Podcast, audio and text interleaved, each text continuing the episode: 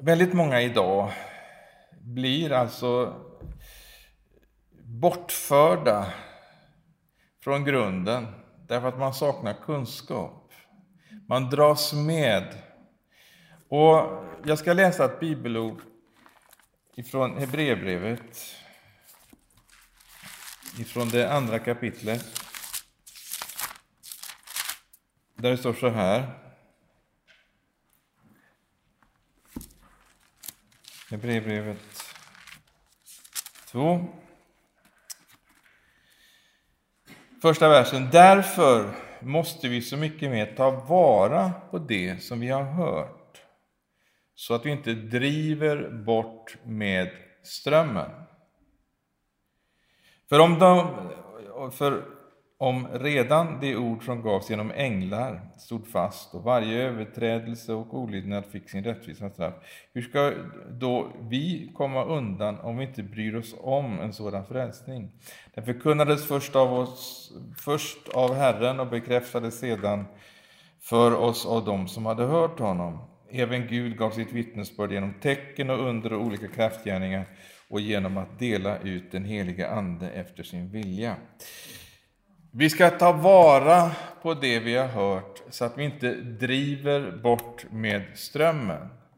Och detta att driva bort med strömmen, det är någonting som, som också Paulus talar om, och jag ska inte gå djupare in på det, men i andra Thessalonikerbrevets andra kapitel så står det om det stora avfallet. Och det ord som används här i grekiskan när det står eh, avfallet så handlar det egentligen om att glida bort från grunden. Så att med andra ord så talar det här om människor som då en gång har varit så att säga på den sanna grunden men som av en eller andra, annan anledning glider bort ifrån den sanna grunden. Så det är det som då eh, handlar om, det är någonting som ska ske och, och eh, Paulus han talar om det här att eh, det, det, är ett tidstecken, det handlar om detta att Jesus ska komma igen och i den här tiden så ska det komma en, en laglöshetens ande, en laglöshetens hemlighet. Och, och den här andeutgjutelsen som vi förstår inte då är den heliga ande. Utan det är något som gör att det helt enkelt blir en, en ande kan man säga, i tiden som, gör, som påverkar både icke-kristna och kristna, åtminstone de kristna som inte liksom, så att säga eh, ser till att man, man, man, man eh, sätter upp liksom skydd emot det här. Men, men det är en andeutgjutelse som uppenbarligen är väldigt stark. Och vi kan se det inte minst genom det då som vi kallar för postmodernismen. Man säger att eh, det finns inga sanningar. Alltså med andra ord, eh, det, det, det, det vi tror på, det handlar om sanningen med stort S. Jesus Kristus, han är sanningen. Det här är sanningens ord. Och den ande som vi har fått, det är sanningens ande. Och församlingen, den ska vara sanningens stödjepelare och grundfäste. Så att det vi så att säga som Guds folk representerar, det, det, är ju det, eh, jag menar, då, då, tidsandan då, som säger att det inte finns någon sanning, det är ett generalangrepp mot Guds församling och framförallt mot Jesus Kristus. Och så finns det då i det här, det finns en sån förförelse i det här, när man då lägger ut det här, man talar om att man ska vara så tolerant och man ska liksom alltihop det här. Och så kommer det här in i de kristna sammanhangen också. Och, och, och så tappar man då sanningen och så öppnar man för sanningar. Eller, eh, det, det är inte så noga eh, egentligen med det här med grunden, utan det handlar mer om att bredda gemenskapen och innesluta alla människor. Och Jesus, han liksom försvinner bort i periferin någonstans, därför att man har liksom glidit bort ifrån grunden. Och så får man, skaffar man sig en massa vänner, men det är inte liksom i Kristus.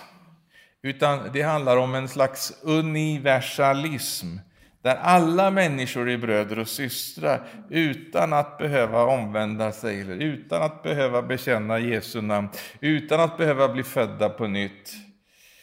Och så är alla Guds barn, som påven säger.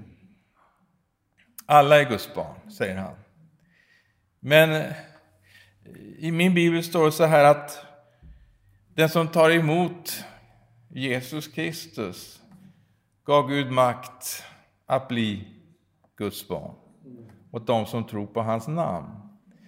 Så att eh, det finns liksom en, en, eh, en klar skiljelinje. Vilka som är Guds barn och vilka som inte är det. Så att Bibeln predikar ingen universalism. Men det här då som händer och, och, hur man då öppnar upp, och, och, vi nämnde om det här i förra studiet, om hur man öppnar upp för katolicismen. Jag tänkte en liten stund till tala om det här och, och, och så att säga, ta lite till i det här svåra ämnet. Därför att vi behöver veta vad som sker. Eh, för att vi inte själva liksom ska lockas, men också att vi ska kunna argumentera eller, eller kunna hjälpa andra som, som liksom har eh, blivit förförda. För det, det handlar om en ande, det handlar om en förförelsens ande. Det är det det handlar om. Och, och, då är det många som öppnar upp för det här och flera på sista tiden, både predikanter och andra, som då har konverterat till katolicismen. Man tycker att man har liksom en, en slags... Eh, det finns en eh, trygghet och stabilitet och eh, tusenårig historia och man liksom... Eh, man har sju sakrament och det finns mässor och man kan göra korstecken och man kan tända ljus och bära krucifix och, och, och radband och man kan Eh, ha hur många skyddshelgon som helst. Och det finns så oerhört mycket då i den här sfären. Och så har liksom gemenskapen mellan då, å ena sidan katolicismen och, och, och protestantiska kyrkor då, så att säga, det har blivit liksom goda relationer och, och, och man har en öppen dialog och ekumenik och allt sammans det här. Och det är en man som heter eh, Peter Åklund han är katolik, han har skrivit eh, i en bok, det är flera olika författare, men han har skrivit ett kapitel och det handlar om Doften av rykande vekar, heter den här boken. Och då talar man om katolicismens återkomst i vår tid. Och så beskriver han att i frikyrkan och i Svenska kyrkan så har man nu börjat att använda ikoner och krucifix och radband och helig olja och reser på pilgrimsfärder och retritresor. Och studieförbunden erbjuder välbesökta ikonmålningskurser. Har inte funderat på det? Lära sig måla ikoner. Det verkar vara en lönsam bransch. Kundkretsen blir större och större. Och han nämner också den här eh, mannen, då, den här katoliken som har skrivit boken, eh, att det finns flera personer också som har varit väldigt viktiga för detta med katolicismens eh, tillbakakomst i Sverige. Och han skriver så här, att pingstpastorn Peter Halldorf har haft och har fortfarande en oöverskådlig betydelse för katolsk och ortodox återkomst i vår tid, säger den här katoliken. Och han säger också att och det är genom hans böcker, föredrag och utgivningen av tidskriften Pilgrim han har mycket aktivt medverkat till att katolska influenser har nått frikyrkliga sammanhang. Och, och jag, jag nämner det här och, och, jag säger det precis som det är. Därför att vi, vi måste liksom kunna tala om de här sakerna, inte bara hålla på och mumla om det. För att det här är så viktigt och jag ska förklara varför. Om vi, om vi går till, till ehm, Andra Moseboks, det tjugonde kapitlet och den tredje versen. så står det där, Gud talar, han gav liksom de här, som man säger, tio orden till sitt folk.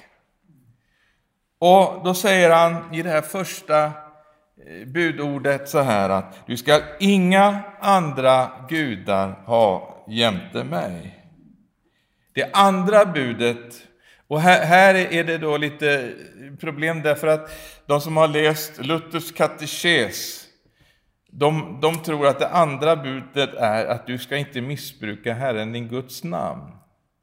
Men det där är faktiskt eh, en, en förfalskning, för att så är det inte.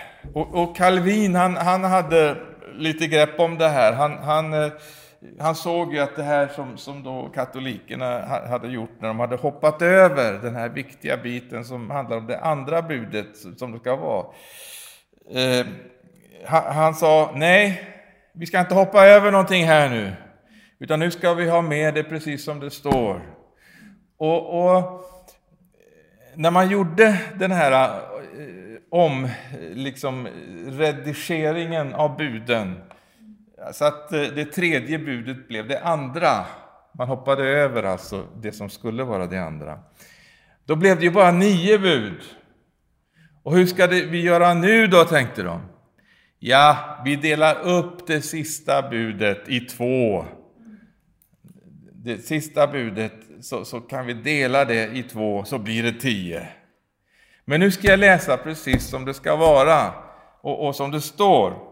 Det första, du ska inte ha andra gudar vid sidan om mig.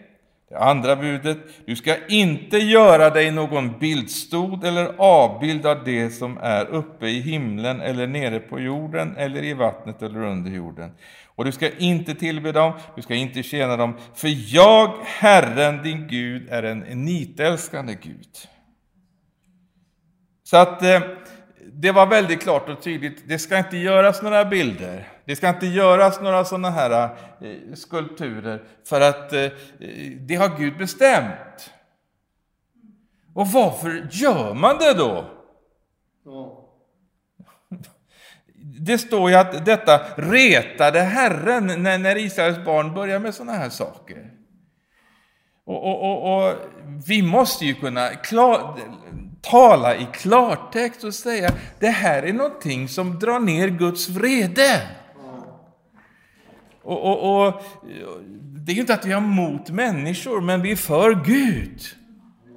Och, och, då blir det så att, att, att eh, vi måste ta ställning mot saker och ting som, som så att säga Gud har varnat för i sitt eget ord.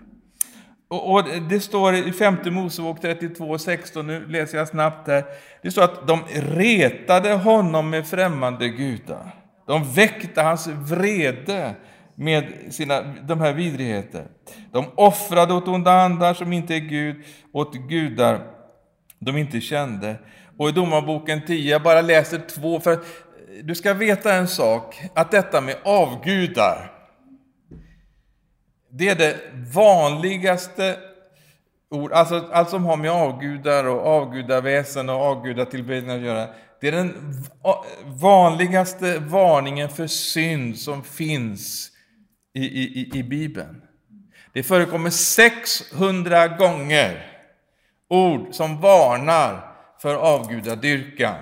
Och det är alltid Gud eller hans profeter som talar till Guds folk. Inte till världen, utan till Guds folk. Och, och då kan ju inte vi ta lätt på det och tycka ja, men det här är väl ingenting att syssla med, det här är väl ingenting som vi behöver prata Det behöver vi visst det. Därför att det finns avgudar i vår tid också. Och, och, och naturligtvis så handlar det inte bara om sådana här eh, ikoner och andra saker, utan det handlar naturligtvis om alla de avgudar som finns i den kultur som vi lever i. Men, men för att avgränsa det hela så talar vi om, om det här nu idag. En annan gång så kan vi ta det andra. Men det, det är så viktigt att vi inför Gud, så att säga, för att vad det handlar om och vad som är det värsta, eh, det är inte själva de här tavlorna e, eller skulpturerna, utan det är det som sker i våra hjärtan. det är där det allvarliga sker. Och John Calvin, han sa så här, och det tycker jag det var väldigt bra, han säger våra hjärtan är som en avgudafabrik. Våra hjärtan är som en avgudafabrik.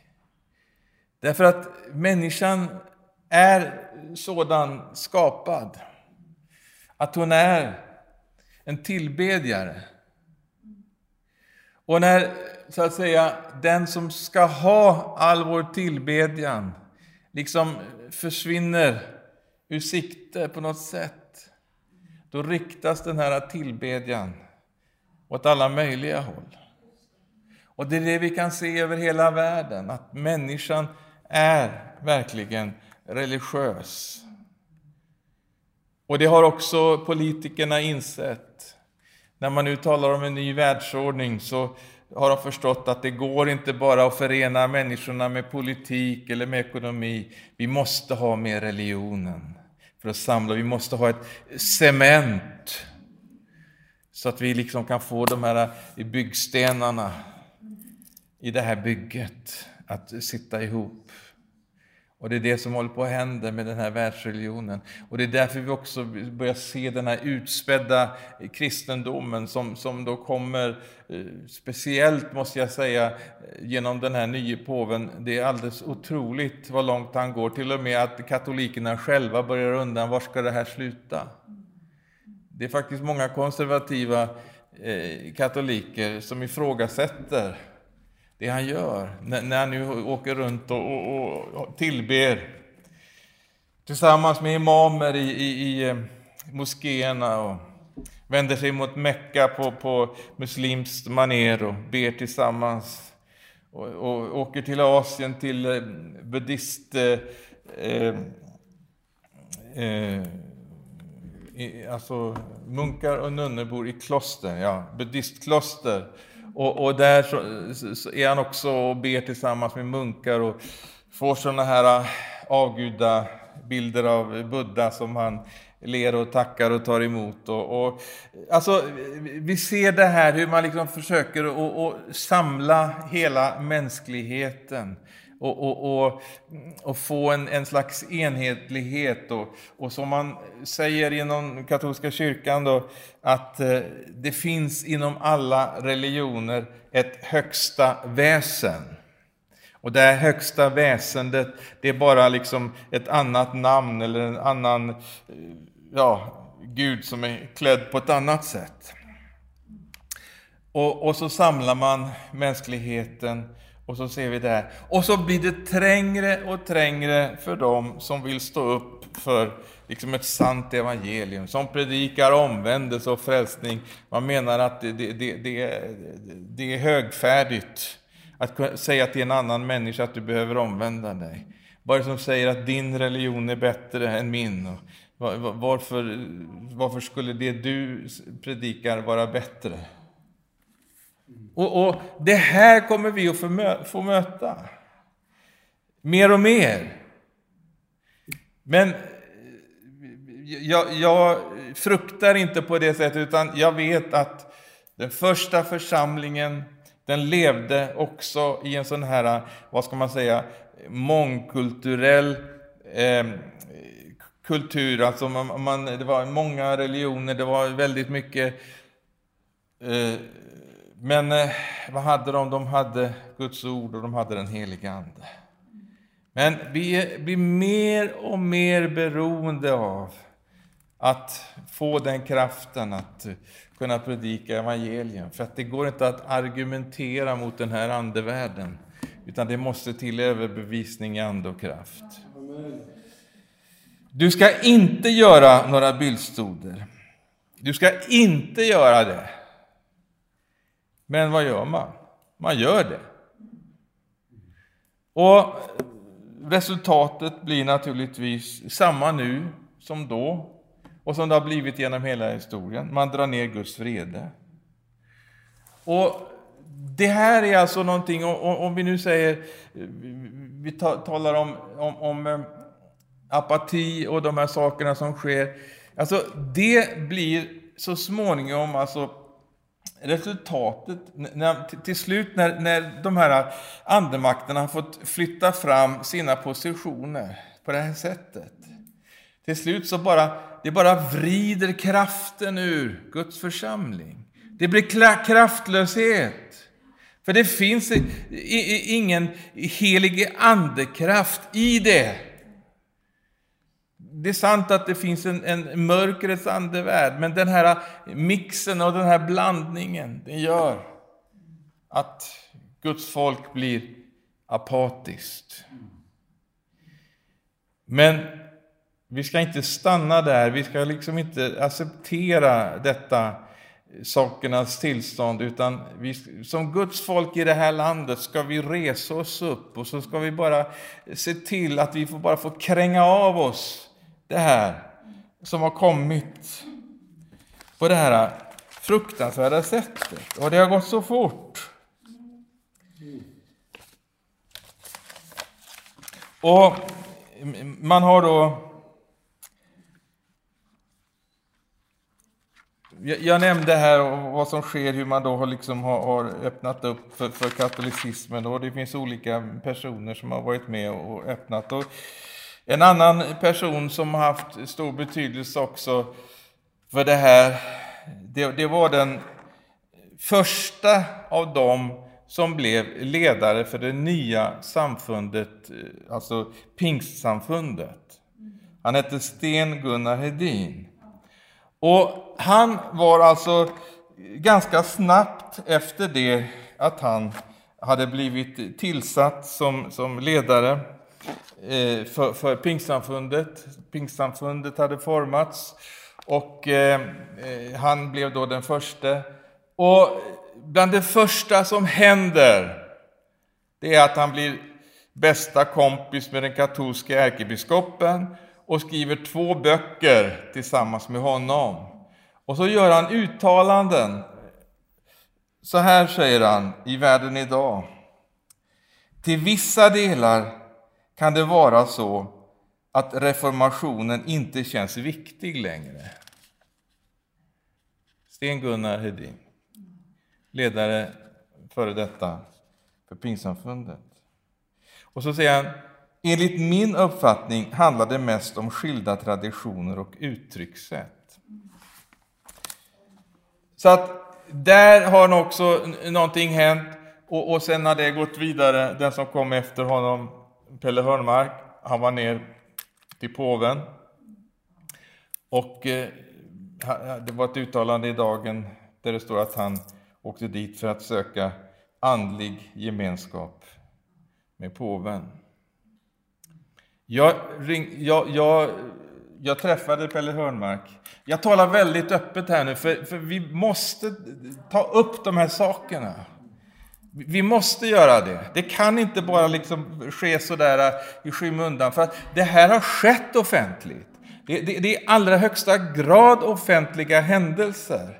Och därför så måste vi också offentligt kunna möta det. Och jag, och jag kände så här, jag måste få tag i Pelle Hörnmark och fråga honom, menar han vad han säger? Eller har han blivit felciterad? Och jag bad till Gud, ge mig ett tillfälle att träffa Pelle Hörnmark. Och bara en vecka efter att jag bett den bönen så var jag på ett födelsedagskalas och Pelle Hörnmark kommer bara och går rakt emot mig för att han ska hälsa på mig så här. Jag tänkte, tack gode Gud, nu får jag chansen. Och, och, och, och han kom och vi hälsade och, och ja, hjärtligt och fint och artigt. Eh, och, och, alltså, jag kan säga, jag, jag, jag tycker om Pelle Hörnmark, alltså, han, han, är en väldigt god person, så, så att det är inte det det handlar om. Men, men här har han gjort fel. Och som ledare för, för, för pingstfolket som han var då, så, så, så har man ett stort ansvar. Och jag sa det till honom, har du blivit felciterad i dagen där det står att du skulle åka till påven för att söka andlig gemenskap med påven? Men han hade ingenting att dementera. Men, men vad gjorde du då när du träffade påven? Ah, jag välsignade honom, sa han. Okej, okay, sa jag. Och så sa jag till honom så här. Du måste förstå att det du gör, det gör du ju inte som privatperson. Utan du, du är ledare för en rörelse med, med tiotusentals pingstvänner. Och, och, jag varnade honom för att leda det här folket bort. Liksom på, på leda det här folket till Rom. Och vi skildes åt som vänner. Men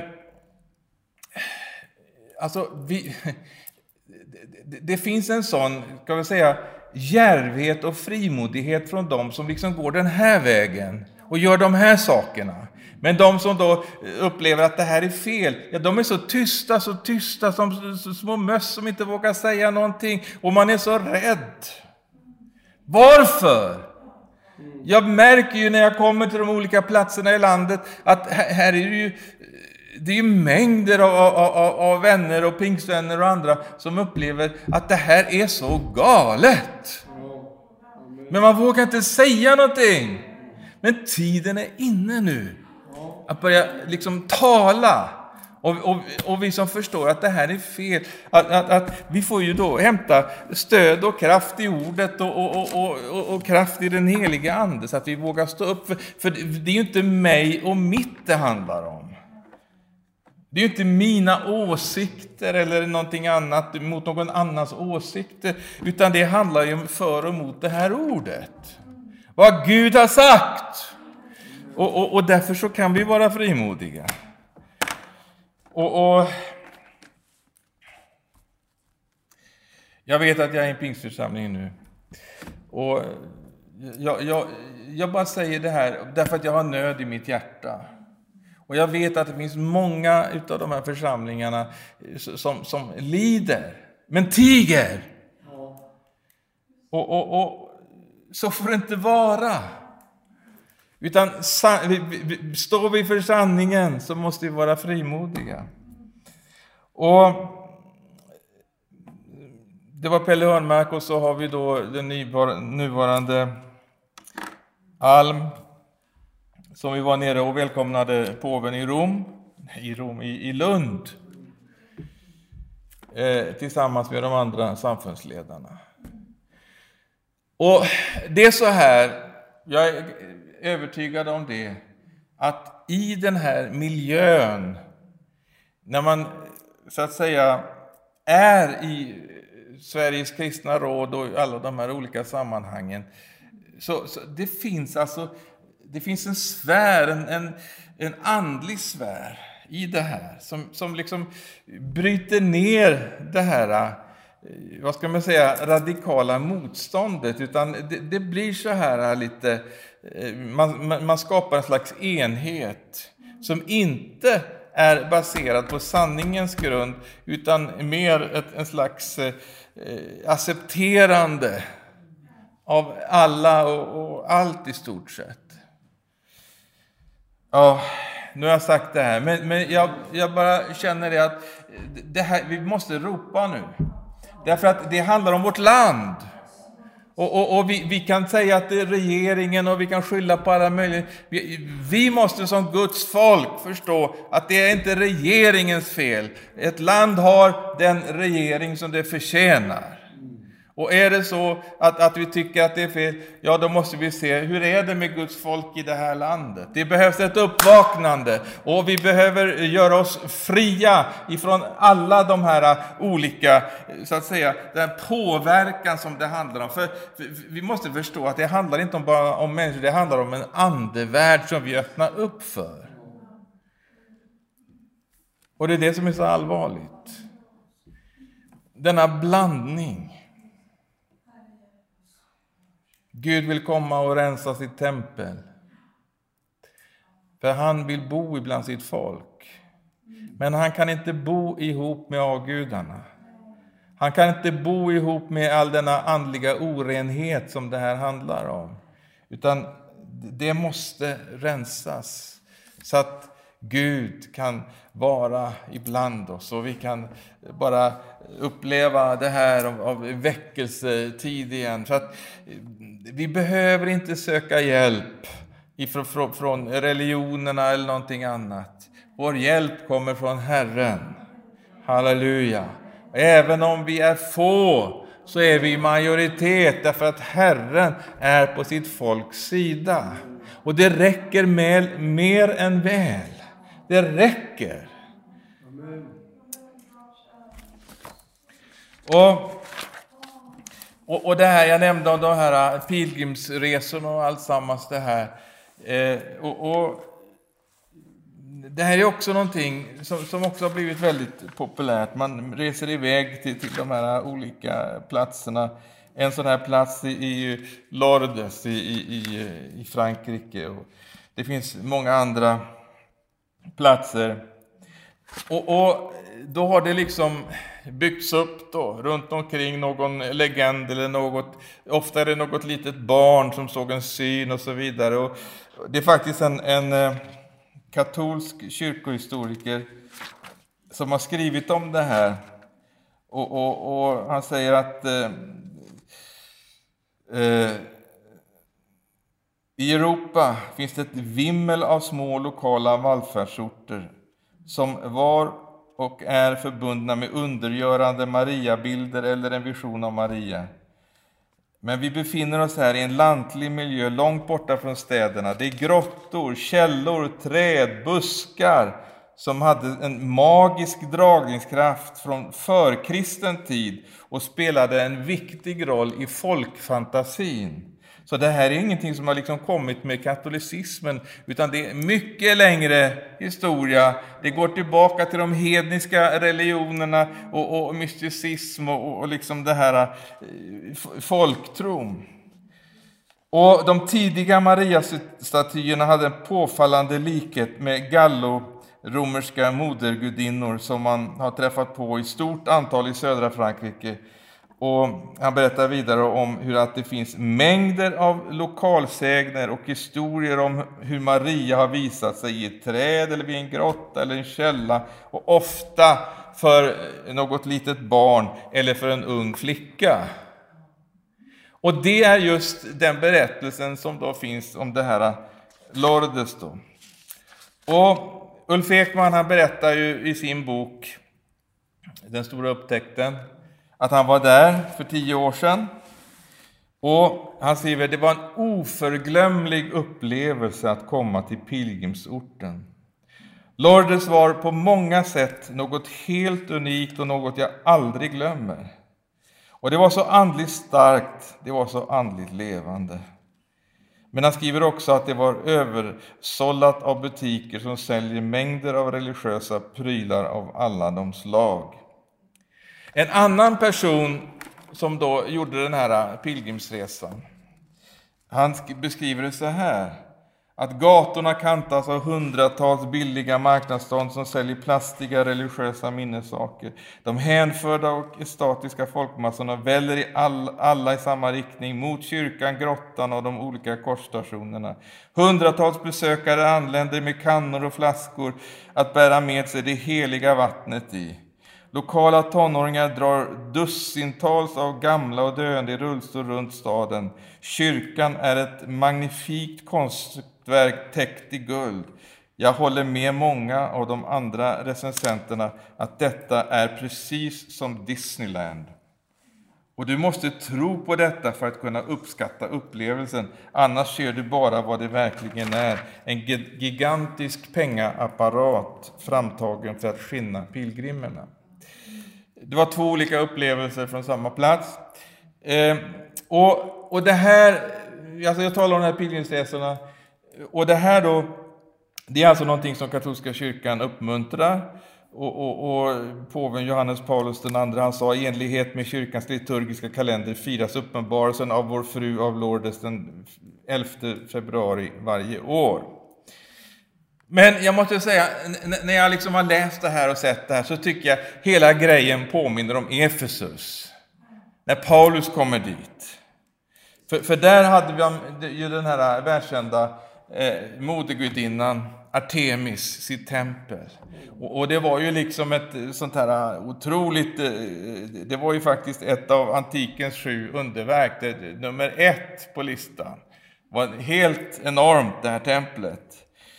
Eh, på en inskription från ett sånt här, eh, från en ljuslykta från eh, ungefär eh, ja, det, det är 300-talet före Kristus, så står det inristat så här. Helaren av sjukdomar, den som ger ljus till dödliga, vår fru av Efesus, ljusbäraren. Efesus, så kommer Paulus. Och här fanns det en, en eh, sån här, eh, som, han gjorde sån här Artemistempel i silver, han hette Demetrius. Och det var stora skaror som drogs dit. Och de här hantverkarna, de levde på den här Artemis-turismen. Och, och, och, så står det att Paulus kommer. Och det skapar ju upplopp i stan. Och, och, den här Artemis, han samlar alla sina eh, vänner och, och, och liksom ska, ska protestera mot, mot, mot det här Paulus som nu har kommit eh, och, och sagt att eh, när man vänder om sig till Jesus, då får inte den här avguden Artemis följa med. Utan, och, och det var ju ekonomisk katastrof för den här näringen. Och, och det blev uppror och, och, och upplopp. Och, och, man säger det är risk att inte bara våra hantverk får dåligt rykte utan också att den stora gudinnan Artemis tempel tappar sitt anseende, att hon som dyrkas av hela Asien och hela världen förlorar sin storhet. Eh, och i samma stad, Efesus, år 431, så blev Maria upphöjd till Guds moder. Samma stad, bara några hundra år senare. Men hemska tanke om Paulus skulle ha kommit till Lordes och predikat att eh, eh den här eh, vår fru av, av Lordes, Maria, hon får inte följa med när ni omvänder er till Jesus. Den här avguden som ni har måste ni lämna. Men det här är alltså de här pilgrimsresorna och det här när man åker till de här platserna. Det, det, det är det här, och det finns sex miljoner pilgrimer åker varje år till Lourdes. Och du har massa olika sådana här som, som, som, som man reser till. Men jag, jag ska inte ta, ta, tid mer med de här bitarna nu, utan jag ska ta och läsa ett bibelord här i slutet och så ska vi tacka Jesus tillsammans. Jag förstår att det här är tungt att höra om, men, men, men det är faktiskt nödvändigt för oss att vi, vi liksom får upp ögonen och ser att allt är inte vad det ser ut att vara. Utan man får liksom skrapa lite på ytan och se vad är det som finns här.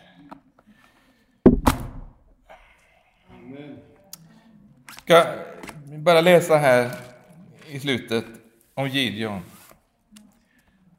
Gideon levde i en tid, det var nedgång i Israel och, och Israels barn ropade till Herren, står det. De ropade till Herren därför att eh, de hade hamnat i nöd. Och orsaken till varför de hade hamnat i nöd, det var att de gjorde vad ont var i Herrens ögon. Och ont i Herrens ögon, det är nästan uteslutande. Varje gång så handlar det om att man hade börjat ta in avgudar från de andra folken. De hade gjort vad ont var i Herrens ögon och nationen bara sjönk ner. Och då kom de här omkringliggande folken och invaderade och skövlade deras fält och, och de hamnade i hum, hungersnöd och de gömde sig av fruktan i de här grottorna uppe i bergen. Men så ropade Israels barn till Herren, står det, och Herren sände en profet. Och profeten påminner om det var jag som hämtade er upp ur träldomshuset. Nionde versen.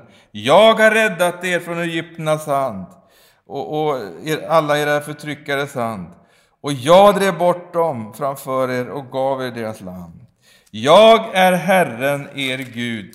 Ni ska inte frukta de gudar som dyrkas av amoréerna i vilkas land ni bor. Men ni lyssnade inte till min röst. Och det var därför som de hamnade i olycka. Men så ber de och ropar till Gud i sin nöd. Och Gud är aldrig sen. Vi kan ropa i vår nöd till Gud och han hör. Vad gjorde Gud? Han sände en profet. Och det behöver vi be om i det här landet. Gud, sänd profeter från norr till söder, från öster till väster. Sänd profeter i det här landet som, som kan ropa ut och väcka ditt folk så att man förstår att det är tid att omvända sig från alla de här avgudarna. Och, och så står det så småningom att eh, ängeln kommer till Gideon och säger till dem, jag är med dig. Du ska slå midjaniterna som en enda man. Och, och, och Gideon blir alldeles förskräckt. Jag som är den här ynkliga lilla stackars, den, den ringaste stammen och den ringaste i min stam, han var ingenting. Men tänk att Gud ska ta sådana. Gud envisas med att ta sådana som inte kan någonting i sin egen kraft. Men jag vill bara avsluta med att berätta om det här. Vad är det för någonting som då han får göra? Alla hade ropat till Gud. Alla, åh Gud, ge oss väckelse. Kom! Och sen nästa steg, vad är det? Den natten, vers 25, den natten sa Herren till honom, Ta din fars tjur och den andra sjuåriga tjuren. Riv ner din fars basaltare. Hugg sönder aserapålen som står intill det och bygg ett altare åt Herren din Gud överst på, den, på denna klippa på rätt sätt.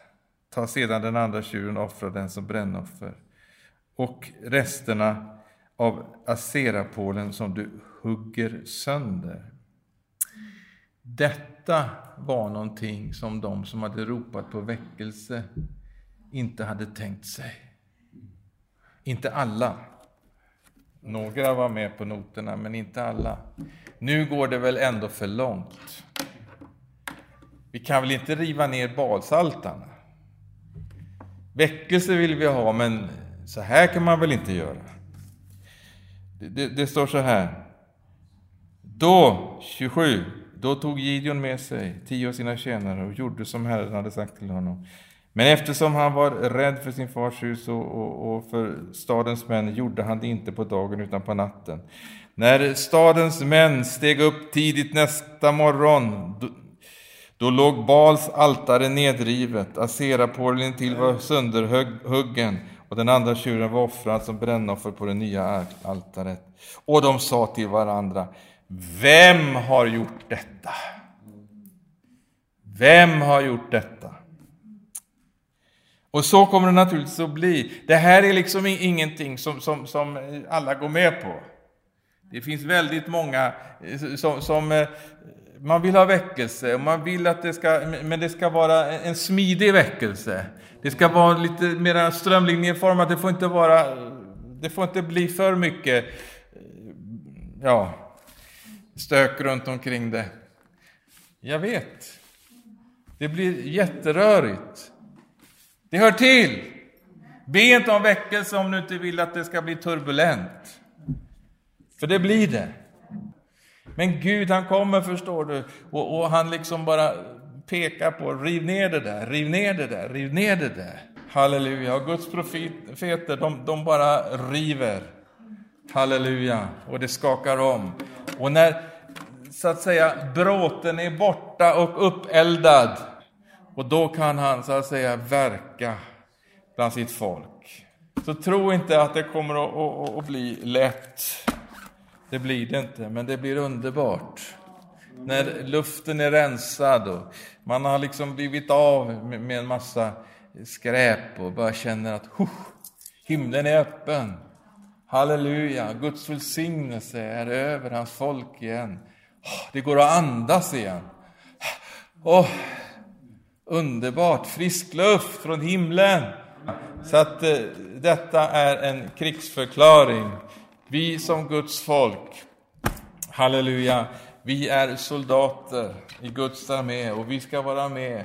Vi har inte sådana här eh, kötsliga vapen, men vi har fått andliga vapen som vi ska använda. Halleluja. Och vi ska riva ner alla de här fästena i Jesu namn. Halleluja. Är du med på det? Ja, amen. Det vill Gud göra, han vill använda oss. Så att vad han väntar på, ett folk som ställer sig till hans förfogande och säger ja, Herre, vi vill gå. Vi vet att det är ett pris att betala, men vi vill gå, vi vill göra det för att det finns, det finns inga alternativ. Det finns ingenting annat. Amen. Amen.